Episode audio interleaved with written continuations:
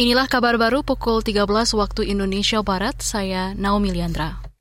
Ya, berita pertama datang dari Presiden Joko Widodo yang meminta TNI bersinergi atau ikut bekerja bersama-sama menanggulangi krisis yang dihadapi Indonesia. Permintaan itu disampaikan Jokowi saat upacara peringatan ke-77 Hari TNI di Istana Kepresidenan pagi tadi. Dukung agenda-agenda nasional dalam penanganan krisis pangan, krisis energi, dan krisis finansial.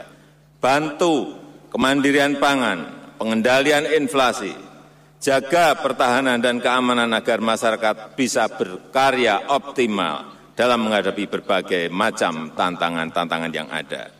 Presiden Jokowi mengatakan saat ini krisis berbagai sektor tengah melanda dunia usai pandemi COVID-19 dan dampak perang Rusia-Ukraina. Jokowi juga mengingatkan bangsa Indonesia untuk bahu-membahu memperkokoh persatuan dan kesatuan nasional, perdamaian dan bergotong royong dalam menghadapi krisis dunia itu.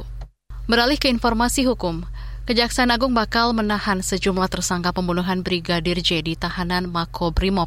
Jaksa Agung Muda Tindak Pidana Umum Fadil Zumhana mengatakan penahanan akan dilakukan setelah menerima pelimpahan tahap 2 atau penyerahan tersangka dalam perkara pembunuhan berencana dan merintangi penyidikan Brigadir J dari kepolisian hari ini.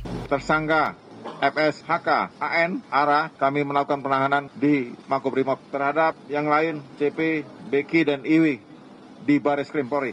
Untuk tersangka RR, RE, dan KM ditahan di Baris Krim. Untuk Ibu PC ditahan Rutan Salemba Cabang Kejaksaan Agung Republik Indonesia. Jaksa Agung Muda Tindak Pidana Umum Fadil Zumhana menyatakan lembaganya akan secepatnya melimpahkan kasus ini ke pengadilan dan tidak menunda-nunda pelimpahan demi keadilan dan kepastian hukum. Kemarin, Kejaksaan Negeri Jakarta Selatan telah menerima pelimpahan barang bukti pembunuhan berencana dan merintangi penyidikan di kasus Brigadir J.